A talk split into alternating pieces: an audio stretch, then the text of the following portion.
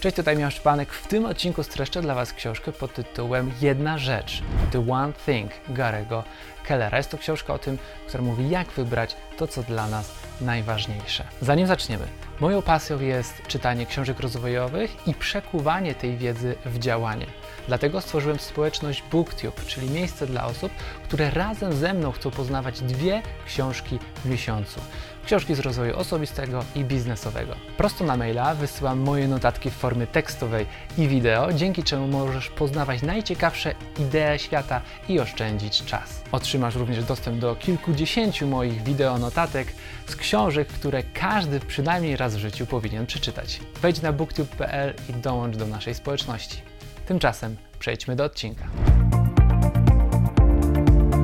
Główna myśl z książki, gdyby streścić ją w jednym zdaniu, polega na tym, aby robić jedną rzecz. Czyli skupić się, to jest fajna metafora, skupmy się na jednej rzeczy i bądźmy jak znaczek pocztowy, który trzyma się jednej rzeczy, dopóki nie dotrze do celu.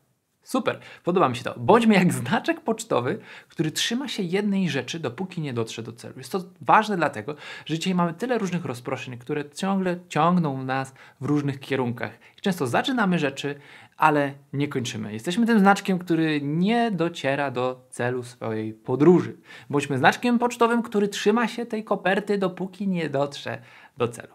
Pierwsza myśl z książki dotyczy tego, że nie wszystko jest równe. Na pewno znasz zasadę Pareto, jeśli nie, to Ci przypomnę. 20% naszych działań przynosi aż 80% efektów. Chodzi o to, aby skupiać się na tym, co ma największy wpływ na nasz sukces, na, to, na nasze efekty i nie robić wszystkiego, bo nie wszystko przynosi ten sam efekt. Autor mówi, żeby zamienić swoją listę zadań, to-do listę, na listę sukcesu, success list. Czyli chodzi o to, że na przykład masz 25 zadań na swojej liście do zrobienia i większość z tych zadań, wedle zasady Pareto 80%, jest bezużyteczna.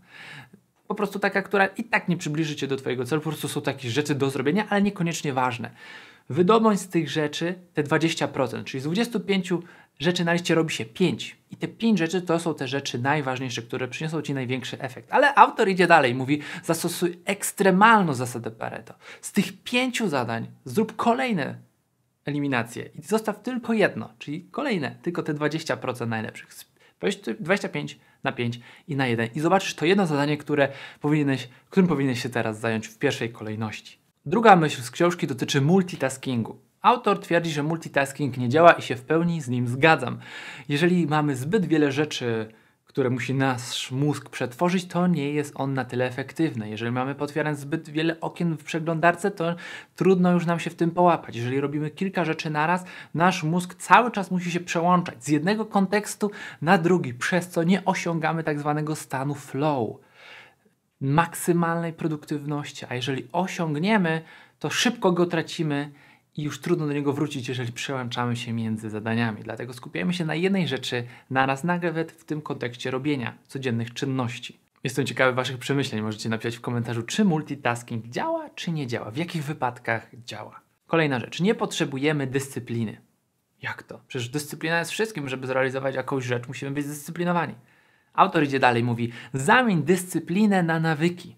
Dyscyplina jest Ci potrzebna tylko na samym początku, kiedy wykształcasz nawyki, a potem nawyki powodują, że dana czynność już nie wymaga dyscypliny, przynajmniej tak dużej na początku, ale staje się to automatyczne nawykowe. Średnio nawyk tworzy się w 66 dni. Kiedyś uważano, że nawyki tworzą się w 21 dni, ale aktualne badania potwierdzają raczej tę pierwszą wersję, czyli 66 dni, uśredniona liczba dni, które są potrzebne, aby wykształcić nawyki. Niektóre oczywiście mniej, niektóre dłużej, ale średnio, gdyby wziąć, to jest 66 dni. Czyli weźmy dwa miesiące dyscypliny po to, żeby już potem mieć większość, przyszłość całą zautomatyzowaną. Chyba warto. Mała uwaga, aby budować nawyki jeden za drugim, sekwencyjnie, a nie symultanicznie, równocześnie, bo wtedy nasze nawyki mogą się bardzo długo tworzyć. Czwarta rzecz, że nasza siła woli maleje w ciągu dnia. Jesteśmy jak bateria w iPhone'ie. Jeżeli rano mamy pełną, to pod wieczór już mamy pustą. Chodzi o to, że zużywamy naszą energię mentalną na codzienne czynności, na decyzje, na myślenie.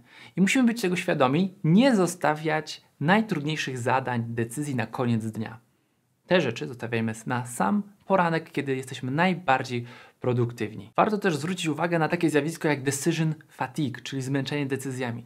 Codzienne, powtarzane te same trywialne decyzje powodują, że tracimy naszą energię mentalną. Stąd też ludzie sukcesu, często też znani jak Mark Zuckerberg czy Steve Jobs, zawsze ubierali się w te same ubrania. Oczywiście nie te same, tylko mieli w szafie kilka takich samych t-shirtów czarnych na przykład i chodzili w nich codziennie, żeby się nie zastanawiać, co je mam rano ubrać, bo nie tracić tej energii mentalnej na trywialne czynności. Kolejna myśl.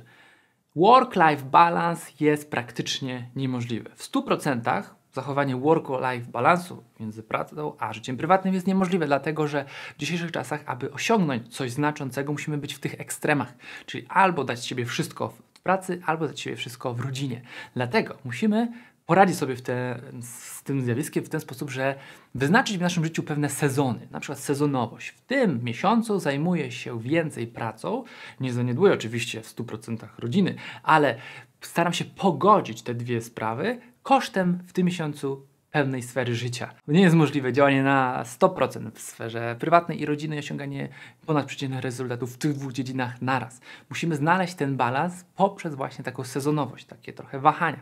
Raz tutaj, raz tutaj, raz tutaj. Ustalić sobie takie granice, do jakich granic możemy dojść, żeby nie zaniedbać całkowicie jednej sfery i w ten sposób możemy ten przysłowiowy work-life balance osiągnąć. Kolejny punkt z książki. Nie ma limitów, a przynajmniej nie stawiaj sobie limitów. Czyli myśl wielkimi kategoriami, jak to mówią Amerykanie, think big. Stawiaj sobie ogromne cele, ale pod kątem takim, że nie stawiaj sobie granic, do których możesz dojść. Czyli wyobraź sobie, ludzie kiedyś w ogóle nie myśleli o tym, że będzie prąd, że będzie samochód, że wylądują na Księżycu. Kiedyś zadowalali się tym, że złowili, złapali jakiegoś mamuta i to już było super, jeżeli mieli do tego narzędzia. Ale popatrz, do czego doszliśmy. Czyli te granice się przesuwają i też prędkości, z jakimi yy, można osiągnąć jakiś wynik, rekord światowy w sporcie, cały czas się skracają.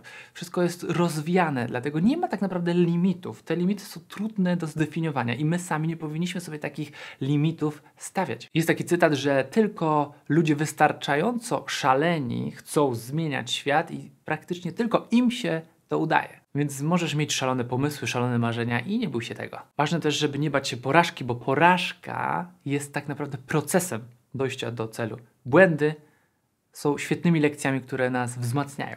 Nie bójmy się tego. Kolejna rzecz, praktycznie serce książki, to pytanie koncentrujące. Focusing question. Polega na tym, żeby zadać sobie pytanie: jaka jest jedna rzecz, którą mogę zrobić, aby wszystko inne stało się łatwiejsze lub niepotrzebne? Czyli stawiam sobie pytanie, co ja powinienem teraz zrobić, co mi przyniesie największą korzyść. I to pytanie stawiamy sobie do różnych sfer naszego życia. Co ja mogę teraz zrobić w relacji? Jaka jest jedna rzecz, którą mogę teraz zrobić, aby poprawić moją relację? Z kimś. Jaka jest jedna rzecz, którą mogę teraz zrobić w mojej firmie, aby polepszyć tą sferę? Jaka jest jedna rzecz, którą mogę zrobić dla mojego zdrowia, aby w tym momencie być zdrowszym? I zadajemy sobie to pytanie, jedną rzecz do konkretnej sfery życia. To pytanie możemy zadawać do szerokiej skali perspektywy, na przykład jedna rzecz, jedna wizja, do czego dążę, jaka jest moja jedna rzecz, jedna rzecz, którą chcę osiągnąć w ciągu życia, która przyniesie mi największą satysfakcję i do tego, co robię tu, teraz i dzisiaj. Co ja dzisiaj mogę zrobić, co mogę wpisać na moją listę zadań, aby osiągnąć jak najlepsze rezultaty czyli Big Picture i Small Picture. Hej, dzięki za zapoznanie się z tymi fragmentami notatek. Jeżeli chcesz poznać więcej ciekawych idei z tych książek, wdrożyć wiedzę w swoje życie, to dołącz do BookTube'a, link pod tym filmem, do społeczności ludzi, którzy chcą wdrażać wiedzę z książek swoje życie. Do zobaczenia w następnym odcinku.